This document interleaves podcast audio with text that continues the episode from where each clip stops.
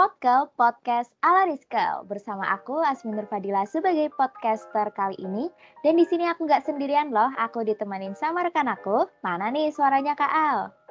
Halo halo, halo Dips. Kenalin aku Alifianto Fikriadi. Nah di sini aku bakal temenin Azmi di podcast hari ini nih. Oke, di podcast ini kira-kira kita bakalan bahas apa aja sih Kak?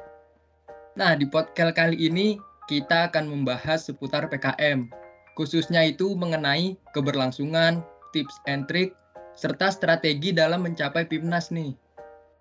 Wah, berarti kita bakalan kupas tuntas mengenai PKM hari ini ya, Kak? Nah, bener banget, Azmi.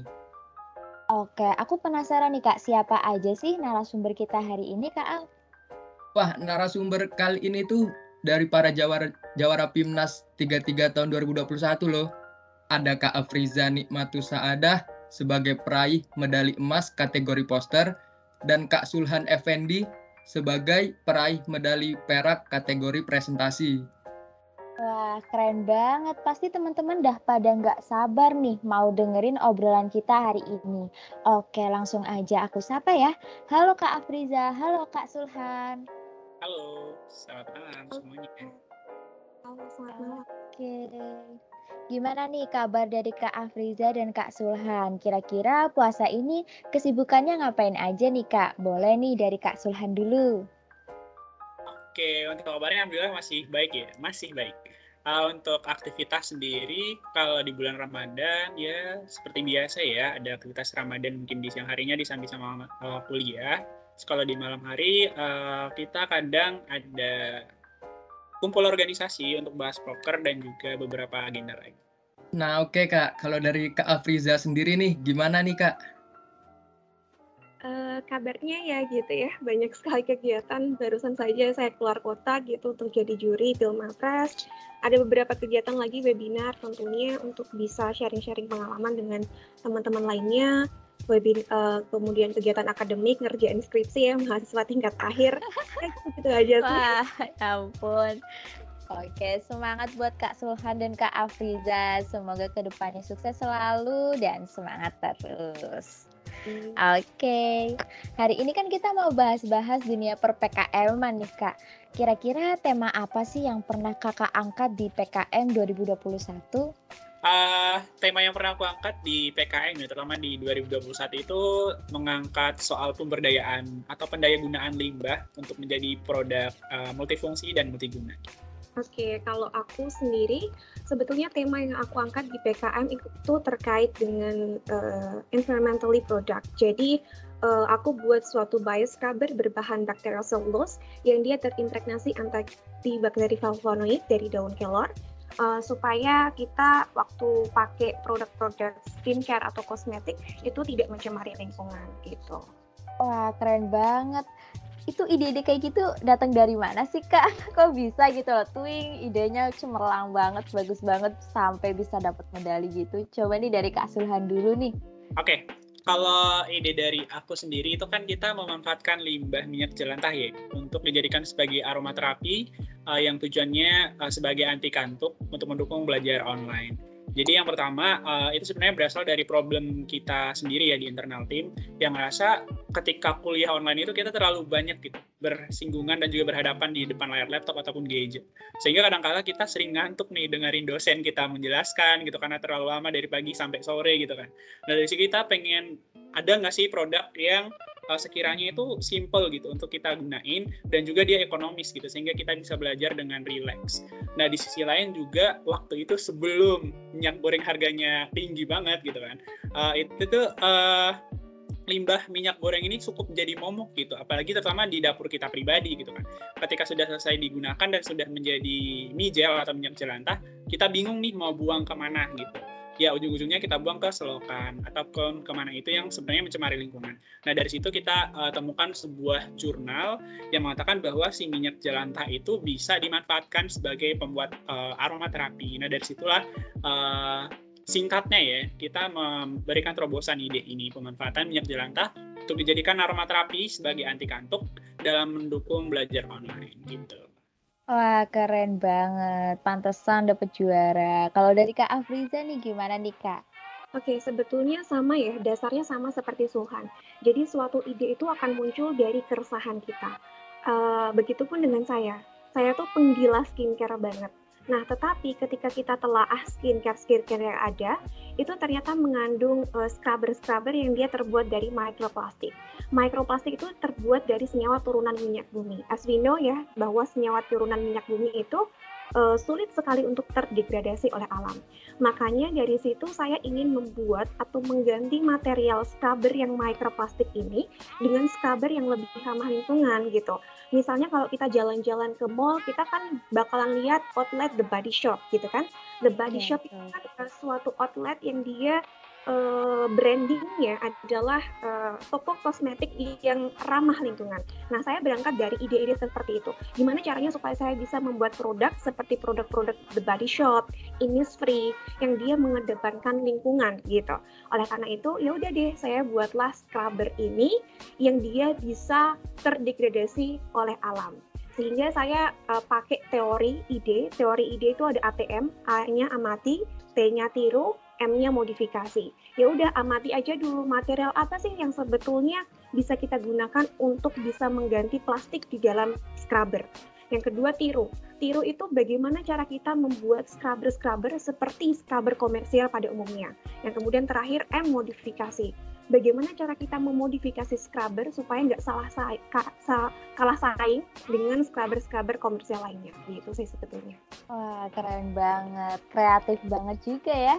Oke, mungkin bisa pertanyaan selanjutnya nih Kak Al. Oke, baik Azmi. Emang keren-keren kali nih ide-idenya ya. Nah, dari ide-ide tersebut, kemudian tema yang udah dibikin nih dari kakak-kakak, penghargaan apa aja sih nih Kak yang kakak dapatkan di PKM tahun lalu nih? Oke, mungkin dari aku dulu ya. Kalau dari timku waktu itu mendapatkan uh, medali perak ya, kategori presentasi karena di sebenarnya kalau di timnas itu kita memperebutkan kurang lebih ada empat ya empat penghargaan. Yang pertama itu ada gold medal kemudian ada silver medal kemudian ada bronze medal. Ada satu lagi itu namanya uh, tim terfavorit kalau nggak salah. Uh, ada penilaiannya tersendiri. Dan setiap uh, empat penghargaan itu akan ada di setiap kelas uh, PKM dan juga uh, nanti akan diperebutkan sesuai dengan uh, komposisi di kelas itu jadi tahun lalu aku mendapatkan uh, silver medal kategori presentasi di bidang PKM. Oke, kalau aku sendiri, sebetulnya untuk PKM tahun 2021 aku lolos dua proposal. Yang pertama proposal bias scrubber yang tadi aku ciptakan, uh, yang kedua itu proposal tentang pembangkitan plasma. Tetapi yang masuk ke PIMNAS 34 itu yang proposal bias scrubber. Nah, di proposal bias scrubber ini aku menang dua kategori. Yang pertama adalah medali emas kategori poster, dan yang kedua adalah medali perunggu kategori presentasi di Timnas 34 gitu. Wah, mantap sekali nih Kak penghargaan-penghargaannya. Bisa mengharumkan nama kampus kita tercinta nih ya. Nah, oke Asmi, boleh dilanjut. Oke. Aduh, agak merinding ya dengernya. Kalau kalau apa ya denger kating-kating kita tuh dapet penghargaan gini tuh kayak pengen nyontoh gitu lah ya. ya semoga nular ya. Amin amin. Oke. Selanjutnya nih Kak, gimana sih pertama kali kakak punya minat di di PKM? Terus kakak udah berapa kali nih bikin PKM sampai bisa lolos PIMNAS dan mendapatkan medali seperti yang kakak-kakak ceritain tadi? Oke, kalau dari aku pribadi sebenarnya uh, lebih ke internal ya dan agak sedikit panjang gitu. Jadi aku persingkat aja. Uh, yang pertama ketika aku masuk di Universitas Diponegoro, uh, aku kayak sempat search gitu di di Google gitu kan. Uh, Undip itu di peringkat keberapa? Di nasional gitu kan. Ternyata dia masuk ke klaster satu gitu. Dan kemudian diperhitungkan di Indonesia. Nah tapi ketika aku masuk Undip ada beberapa uh, teman-teman kita gitu di kelas maupun di kampus ya secara umum yang aku lihat bahwa mereka tuh membuat pilihan undip bukan pilihan pertama gitu, malah pilihan kedua ataupun ketiga. Dan masih menyesal tuh antara semester 1, 2, 3 gitu belum menerima undip dan sejenisnya, masih menganggap masih ada kampus yang uh, apa ya, kita nggak usah sebut mereka kampusnya uh, masih luar biasa gitu, undip tuh masih di bawah mereka. Nah dari situ aku mikir, uh, kenapa mindset mindset itu ada di pikiran anak undip. Dari situ aku uh, menanamkan dalam diri aku pribadi kapan pun itu selama aku di Undip aku harus duduk sejajar dengan kampus-kampus yang anak-anak Undip itu sendiri menganggap bahwa mereka lebih jago. Dan di situ aku harus menunjukkan kalau aku lebih jago daripada mereka gitu. Jadi di situ aku menanamkan bahwa Undip itu bisa loh sebenarnya gitu. Uh, kemudian dari situ aku ikut webinar namanya kalau di ekonomi itu ICE Pro ya. Uh, nah di ICE Pro itu ada satu pembicara yang dapat medali emas di PIMNAS 32 kalau nggak salah Uh, nah, mbaknya itu menceritakan uh, perjalanannya di PIMNAS, kemudian juga uh, apa yang didapatkan setelah ikut PIMNAS, kemudian efeknya ke teman-teman dia, kemudian juga ke uh, adik-adik di bawahnya. Nah, dari situ aku berpikiran, aku kayaknya harus nyobain. Ini salah satu jalan aku ketemu sama kampus-kampus lain di Indonesia. Karena ajang ini sangat bergengsi gitu. Dan ketika aku masuk ke situ, berarti uh, aku bisa menunjukkan kalau anak undip itu emang hebat gitu. Ketika kita masuk ke Undip kita juga mengalahkan ribuan orang kan pendaftar gitu. Kenapa kita harus minder dengan kampus lain? Itu yang kedua. Terus yang ketiga, karena nilaiku waktu di semester 1, aku kan bukan anak ekonomi ya. Aku dari madrasah aliyah, kemudian juga belajarnya agama, tafsir, hadis kayak gitu. Tiba-tiba masuk ekonomi, uh, nilainya agak jelek sebenarnya, tapi nggak jelek-jelek banget, masih tiga di atas gitu. Nah dari situ aku uh, melihat bahwa aku bukan anak yang akademik banget gitu.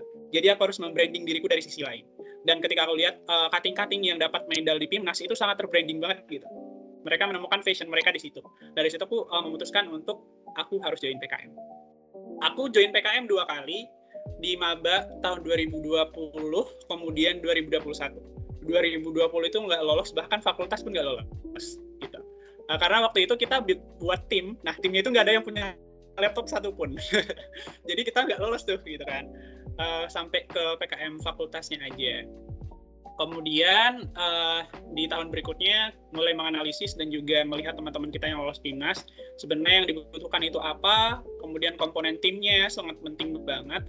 Kemudian kita susun di 2021 hingga kita lolos ke timnas dan kemarin dapat medali silver gitu. Seperti itu Azmi. Oke, mantap, mantap. Oke nih kalau dari Kak Afriza gimana nih Kak? Oke, um, sebenarnya gini, uh, aku udah sering kali menyampaikan bahwa sebetulnya tujuan aku masuk di Undip itu ada empat. Yang pertama itu adalah organisasi, yang kedua penelitian, yang ketiga kuliah, yang keempat lomba. Keempat tujuan itu tuh selalu aku pegang erat sampai kapan pun selama aku masih menyandang status mahasiswa di Undip. Nah, long short story, karena aku tuh suka banget penelitian, mulai dari 2018 aku tuh sudah ikut dosen untuk melakukan proyek-proyek penelitian gitu. Tetapi karena aku ikut proyek-proyek dosen itulah yang membuat aku uh, sibuk gitu uh, ngerasa sibuk jadi nggak nggak ikut PKM secara serius. Jadi waktu 2018 aku nggak ikut PKM, 2019 ikut PKM tapi cuman asal-asalan ngumpulin proposal, tapi lolos internal undip, 2020 lolos pendanaan PKM, uh, eh, tapi nggak lolos timnas. Baru di 2021 lolos dua proposal pendanaan PKM dan dapat medali di timnas gitu. Uh, dan aku merasa bahwa aku telat banget. Kenapa ya? Baru tahun 2021 aku fokus dengan PKM dan PIMNAS. Kenapa 2021 itu aku fokus? Karena waktu itu long short story aku gagal kan di Mawapres. Aku dapat uh, cuma dapat peringkat 5 doang gitu. Kemudian aku kayak bertekad banget uh, gimana ya caranya supaya aku bisa balas kekalahan aku di Mawapres yang hanya dapat peringkat 5 aja supaya aku betul-betul bisa membanggakan nama Undip gitu supaya aku nggak malu lagi sama Pak Rektor, nggak malu lagi sama wakil dekan akademik dan kemahasiswaan gitu. Akhirnya aku betul-betul sangat-sangat bertekad untuk bisa dapat medali dan at the end of the day aku dapat two medals di uh, PIMNAS 34 untuk membalas seluruh kekalahan aku di Mawapres gitu sih sebetulnya ceritanya. Oke, memang kita tuh mulai dari awal dan butuh proses gitu ya Kak. Yang awal-awalnya mungkin belum serius-serius banget, lalu yang serius-serius banget memang ya usaha itu nggak mengkhianati hasil gitulah ya Kak bahasanya ya. Wah mantap sih. kalau Kak Afriza nih menurutku peringkat lima pun udah terbaik banget kita juga udah bangga banget sama Kak Afriza sebagai Mawapres Undip 2021. Udah keren banget pokoknya mantap deh. Oke nih Kak Al. Eh gimana gimana Kak? Thank you, thank you.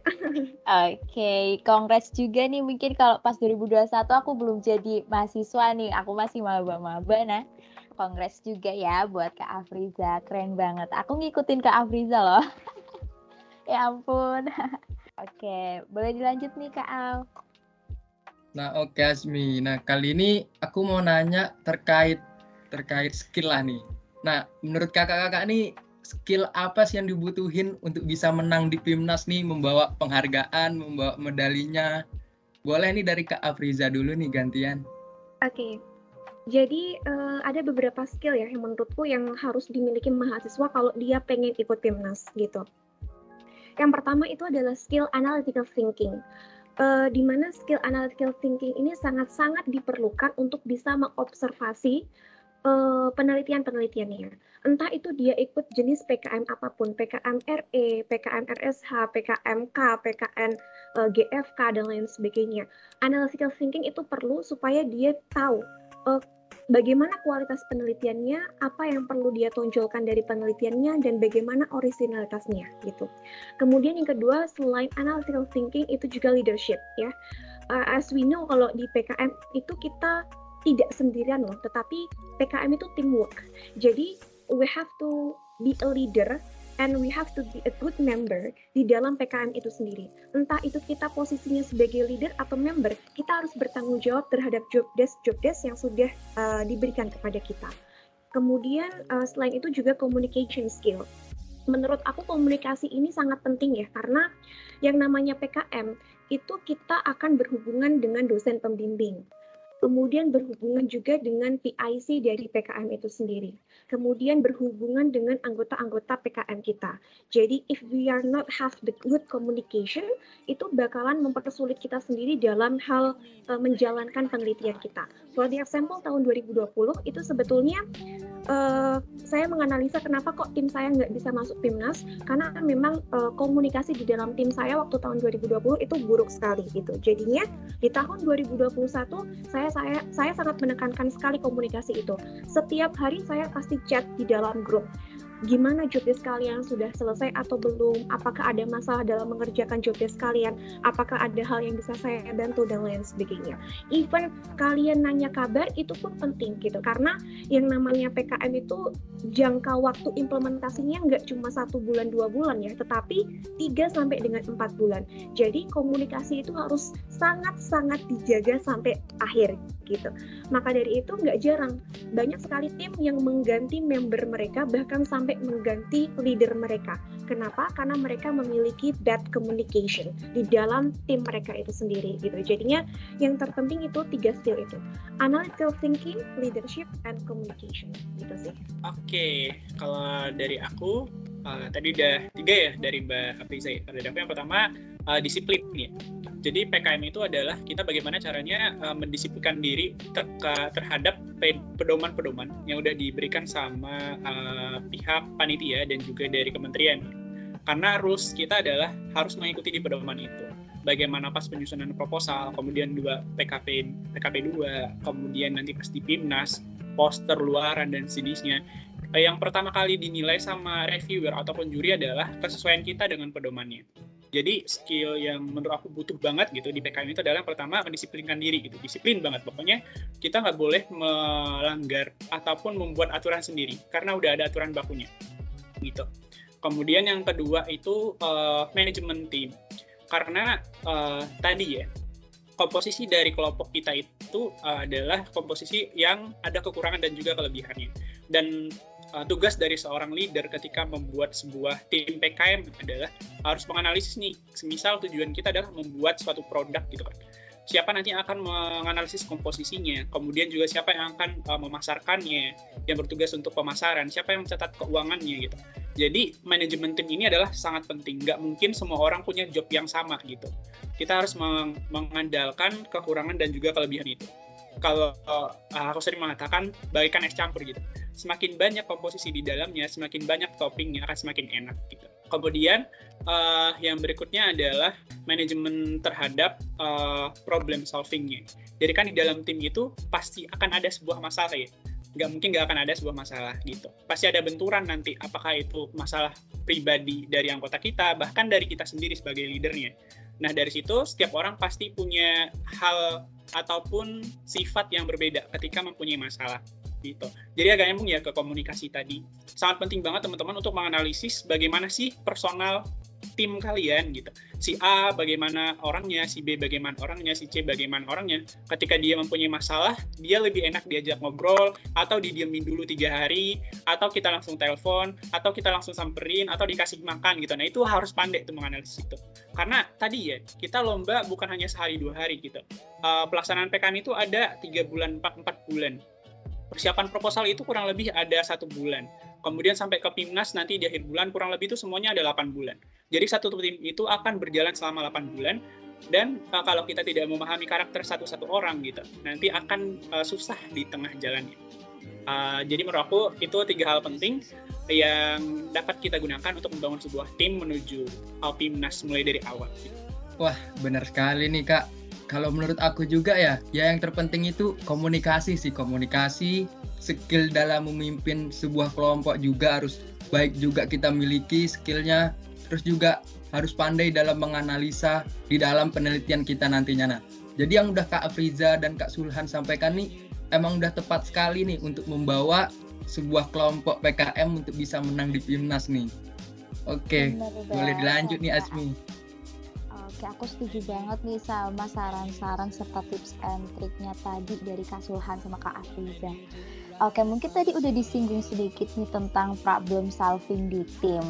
Oh, terus pertanyaannya nih, bagaimana cara menyelesaikan problem solving antar anggota tim nih, seperti yang udah dijelaskan tadi sama Kak Afriza sama Kak Sulhan. Boleh nih dari Kak Afriza dulu mungkin? Oke, okay. Eh, dari aku pribadi ya, uh, aku punya tiga hal untuk bisa mengatasi permasalahan di dalam tim itu sendiri yang pertama itu adalah considerate, yang kedua adalah critical, yang ketiga itu adalah kreatif. Uh, considerate itu artinya kita memahami keinginan dan kebutuhan dari tim kita. Yang namanya kita berada di suatu tim itu ibaratnya kita kayak nyetir mobil. Ada yang nyetir, ada yang jadi penumpang gitu. Jadi tujuannya harus jelas, arahnya mau ke mana Kemudian rute dari mencapai tujuan tersebut juga harus jelas. Apa kita mau mengambil rute lewat jalan tol ataukah jalan biasa? Semuanya harus jelas gitu. Ketika kita mampu memahami keinginan dan kebutuhan tim, maka itu lebih mudah bagi kita untuk melaksanakan setiap program penelitian yang kita uh, lakukan gitu. Yang kedua adalah critical. Critical itu kita mampu memiliki pola pikir kritis dan rasional dalam menghadapi seluruh permasalahan yang ada di tim. Misalnya uh, terkait waktu lah. Misalnya tim kita uh, ada yang sibuk, ada yang nggak sibuk gitu. Berarti kita harus pula punya pikir uh, rasional. Mana anggota yang sibuk itu kita uh, tanyai dulu sibuknya apa. Kemudian uh, bagi job desk-nya, rolling job desk-nya itu harus sesuai dengan jadwal dari anggota-anggota kita. Dan yang terakhir itu adalah kreatif. Kreatif itu memecahkan masalah yang ada secara efektif dan efisien ini juga sangat penting. Misalnya waktu kemarin PKM tahun 2021, sebetulnya penelitian saya sempat gagal gitu. Penelitian saya sempat gagal, padahal waktu PKP 2 itu uh, segera dilakukan sekitar satu minggu lagi ke depan itu akan dilakukan gitu. Di situ saya dan tim panik semuanya. Wah ini hasil penelitian kita jelek, gagal, PKP 2 mau dilaksanain. Gimana nih caranya? Akhirnya at the end of the day, uh, kita mikir bareng gimana caranya supaya penelitian yang gagal ini bisa kita recreate untuk bisa menghasilkan penelitian baru yang memiliki data yang efektif. Akhirnya satu minggu itu kita full dari jam 9 pagi sampai jam 1 malam di lab untuk bisa ngeran ulang semua variabel gitu.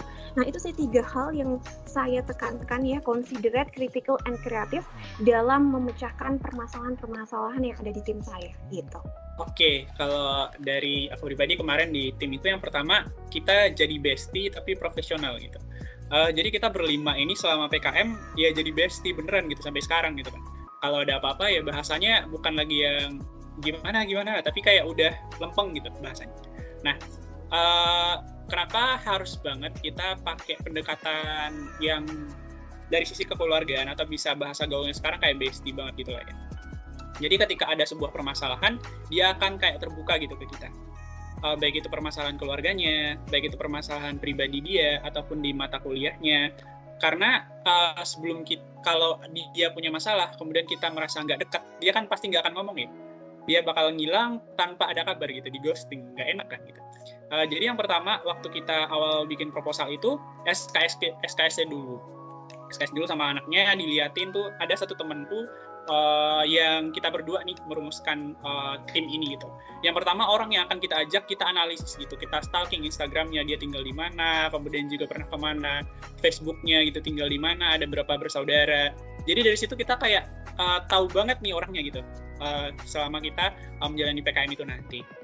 Itu uh, yang pertama. Terus yang kedua uh, menyampaikan kalau mau ngilang itu selalu aku notice di grup aku uh, kalian kalau mau hilang bilang ya jangan kayak buaya kalian kalau mau hilang bilang ya jangan kayak hantu gitu. Karena aku bukan cenayang. Jadi waduh, uh, waduh. ya selalu sampaikan kepada teman-temanku kamu tuh sebenarnya uh, setiap manusia itu pasti capek dan pasti butuh istirahat. Setiap manusia pasti berada di fase stres dan atau apa pun itu. Tapi let me know gitu kasih tahu kapan kamu akan hilang, kapan kamu akan stres, kapan kamu akan lapar, bahkan sekecil itu gitu kan. Uh, seperti contohnya aku tipikal orang yang kalau udah kena mah itu moodnya udah nggak dapet gitu. Aku ada uh, penyakit mah, jadi kalau mahnya itu kambuh, uh, jangan omongin terkait dengan hal yang serius gitu. Dan semua timku itu udah paham terkait dengan itu.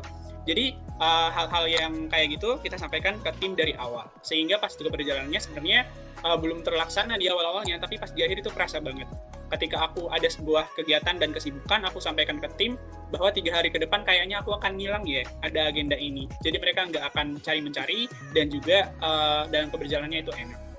Terus yang berikutnya, uh, semua tim paham dengan apa yang kita kerjakan. Jadi walaupun jobnya itu udah dibagi, ada yang bagian keuangan, ada bagian pemasaran, ada yang di bagian penelitian, ada yang bagian produksi, tapi kita semua paham di, di bidang masing-masing itu. Jadi uh, teman-teman yang di pemasaran paham nanti di produksi itu stepnya harus gimana gimana gimana. Kemudian teman-teman pemasaran juga tahu uh, catatan keuangannya seperti apa. Jadi tadi ya uh, berkaitan sama yang harus ngabarin kalau mau pergi atau apa pun itu. Jadi ketika ada satu orang yang ngilang gitu kan notabene ngilang, jadi kita semua bisa backup tugas itu. Jadi kita nggak hanya tahu di bidang kita masing-masing aja.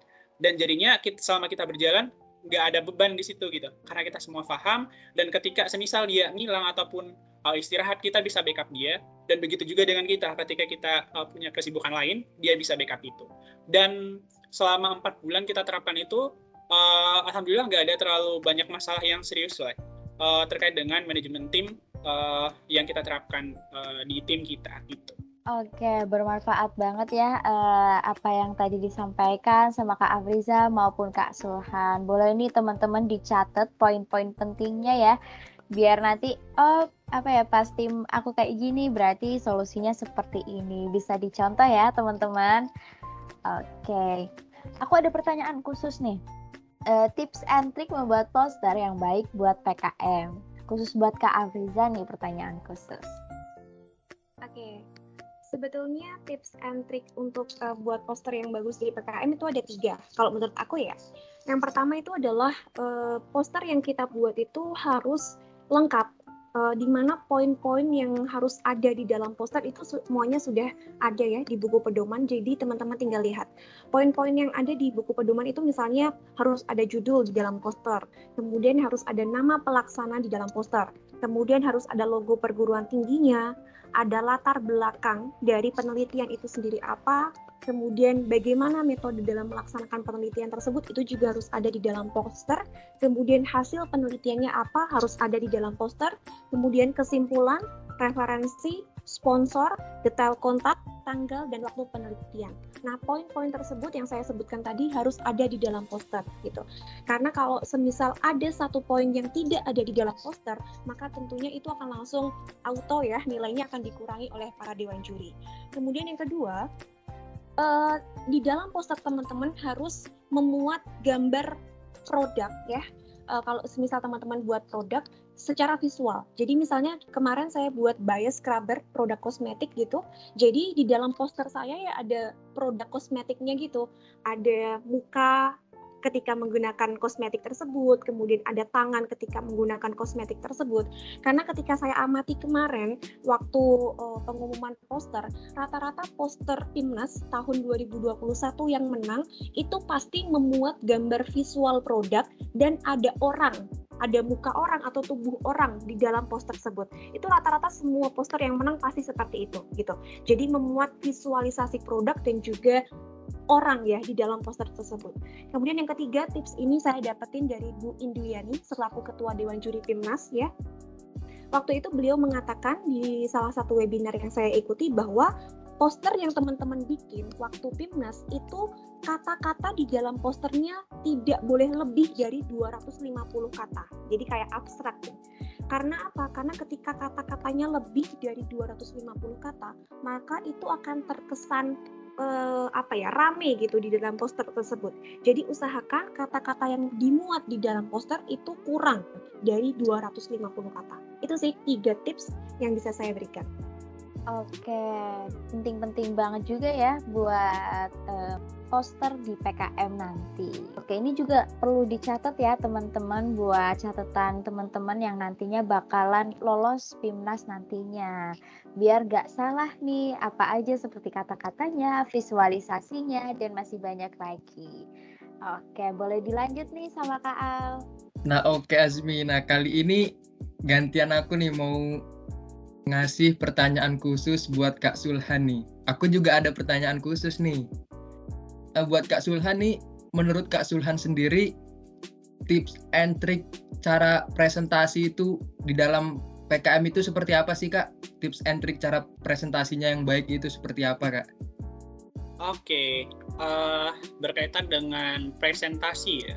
Kalau dari aku pribadi aku terapkan di tahun 2021 kemarin ke terhadap timku yang pertama kita fix mindset dulu ya. Karena mindset itu sangat berpengaruh uh, terhadap kita nanti presentasi. Karena di presentasi itu akan ada dua sesi. Ada sesi presentasi sama tanya jawab. Jadi yang uh, penting banget menurut aku yang pertama adalah mindsetnya. Jadi uh, ketika teman-teman udah lolos timnas, uh, itu berarti uh, proposal teman-teman dan program yang teman-teman dijalani ini tuh udah luar biasa banget dipandang juri kan. Tinggal bagaimana teman-teman menyampaikan itu. So yang pertama kita harus tanamkan adalah kita adalah yang terbaik se-Indonesia, ya kan? Karena kita bisa masuk timnas. Itu yang pertama. Terus yang kedua, kita bosnya, karena kita yang punya proposal, gitu. Juri cuma kayak baca doang nih, uh, salinan dari ide kita, salinan dari program kita, gitu. Jadi harus uh, menekankan bahwa kita adalah bosnya. Ketika ditanya, ya udah aku bosnya, gitu kan. Ngapain anda harus sewot gitu? Kata kasarnya kayak gitu. Jadi uh, karya itu adalah punya teman-teman. So nggak usah takut menyampaikan sesuatu, karena itu adalah uh, tuangan dari pikiran kita, tuangan dari uh, program kita. Uh, itu mindset yang harus ditanamin yang pertama. Terus yang kedua, uh, yang yang kedua ya, itu yang ketiga, uh, teman-teman adalah yang paling benar di situ, karena kalian yang paling tahu programnya. Jadi ketika ditanya juri nggak usah takut gitu, karena itu program kita. Kemudian untuk manajemen uh, pas presentasi, pakailah peran-peran gitu. Jadi biasanya kalau yang paling bagus presentasi itu adalah cuma satu orang, maksimal dua orang.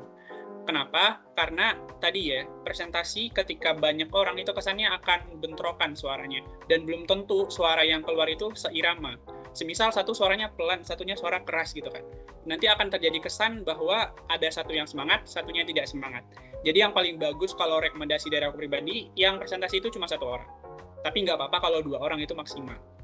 Tapi kalau dua orang itu nanti di uh, timbang-timbang lagi apakah suaranya senada, apakah suaranya sama-sama lantang, apakah suaranya bulat vokalnya bagaimana dan seterusnya.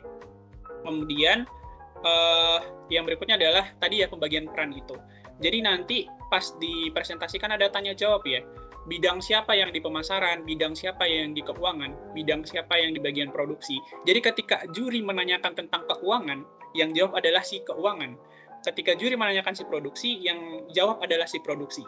Jadi nanti juri itu akan menilai siapa yang akan bicara dan siapa yang diem aja. Dan biasanya juri itu akan nakal gitu kan. Ketika ada yang diem aja, nanti bakal ditanyain.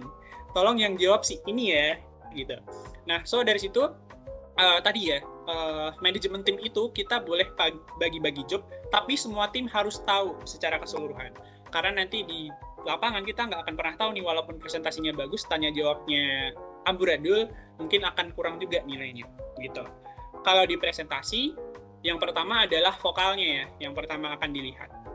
Jadi uh, ada latar belakang, kemudian juga ada masalah yang kita bawa, solusinya. Kemudian kalau di PKMK ada penjualan, Kemudian juga uh, kita mengenalkan produk kita. So, vokalnya itu ketika latar belakang ya benar-benar mengamati ataupun menghayati latar belakang itu. Semisal kayak kasus pandemi COVID-19 mencapai sekian, tapi raut wajahnya biasa aja, kemudian atau enggak sambil tersenyum, tapi kita mengabarkan sebuah duka gitu kan, nggak mungkin kita sambil tersenyum gitu. Dan juga dengan vokal yang lantang tentunya gitu. Jadi kita adalah ekspresi dari kata-kata yang tertuang dari mulut kita. Itu. Kemudian yang kedua vokalnya nggak usah yang berat-berat kayak cek halo halo. Nggak kayak gitu juga. Dan nggak juga yang ceper juga. Biasa aja slow aja pembawaannya. Yang penting itu enak didengar. Dan juga vokalnya itu seirama dengan tadi ya bahasa yang kita bawakan. Kemudian uh, yang kedua adalah kesesuaian slide yang muncul dengan apa yang kita bicarakan gitu. Karena pengalamannya kemarin online ya. Nah di situ berarti ada kualitas internet yang mendukung. Jadi pengalaman tahun lalu itu ada beberapa tim yang internetnya itu nggak bagus ya, sehingga ya presentasinya sebenarnya vokalnya bagus, but slide-nya itu nggak muncul dan nggak jalan. Itu juga bakal memperjelek presentasi kita. Jadi kuota internet, internetnya bagus apa enggak, itu juga sama mempengaruhi apakah nanti presentasi kita akan bagus apa enggak. Kemudian yang berikutnya adalah smooth ya, kelembutan dari semisal nih teman-teman menjelaskan tentang pandemi COVID-19 tapi itu di slide-nya yang ke zoom nih semisal bukan pandemi gitu. Udah next ke yang berikutnya. Jadi manajemen uh, latihan teman-teman juga harus bagus banget antara si operator dengan kita yang membawakan presentasi gitu. Uh, berikutnya adalah ketika kita punya uh, dua presenter ya. Ketika kita punya dua presenter sebenarnya itu belum pernah aku lihat di bidang PKM cuma waktu itu ada saran dari juri kan tidak ada aturannya formal gitu ya. Kayak semisal uh, penjalannya presentasi itu harus formal. Nggak ada aturannya yang seperti itu. Jadi buatlah kalau semisal PKM kak ya kalian lagi ngiklanin produk gitu. Kenapa kalian berdua tidak berinteraksi gitu kan? Antara si dua presenter ini. Nah ini sebenarnya uh, jadi tantangan juga bagi kita karena menurut juri waktu itu kenapa kalian berdua itu tidak berinteraksi gitu itu jadi saran aja sih dari jurinya. Sehingga presentasikan itu akan lebih keren. Kalian terlihat menawarkan produk kalian kepada kita gitu. Uh, itu sih mungkin tips dari aku untuk pas presentasinya. Yang penting uh, yang paling aku tekanin adalah ketika kita udah masuk timnas berarti itu karya kita udah luar biasa banget. So jangan hilangkan poin-poin yang ada di proposal teman-teman. Uh, semisal kayak di PKMK ya ya intinya itu adalah penjualan produk dan produk yang luar biasa. So jangan sampai missing poin-poin yang udah ada di proposal itu. Kadang yang jadi kesalahan adalah ketika kita terlalu fokus membahas biaya gitu. Sementara pas kita promosi produknya itu kurang gitu. Jadi uh, ikutilah yang ada di proposal yang udah dituang dan biasanya juri itu akan sangat teliti kesesuaian proposal dengan apa yang kita sampaikan. Karena mereka udah baca dan punya pegangannya gitu. Gitu sih oleh dari aku. Wah, keren sekali nih tips and triknya untuk teman-teman nih yang tahun ini mengikuti PKM dan nantinya nih lolos sampai ke PIMNAS. Nah, boleh banget nih diterapkan tips and trick dari Kak Sulhan ini untuk bisa membawa presentasi yang baik pada saat di PIMNAS nanti. Ya, setuju banget Kak Al. Semangat-semangat banget harus uh, untuk tim-tim PKM Undip 2022. Oke buat Kak Afriza sama Kak Sulhani kan udah pernah lolos pendanaan. Pasti kan kita harus bikin produk PKM-nya nih Kak. Nah, apa saja sih implementasi produk dari PKM yang udah pernah dibuat sama Kak Sulhan sama Kak Afriza?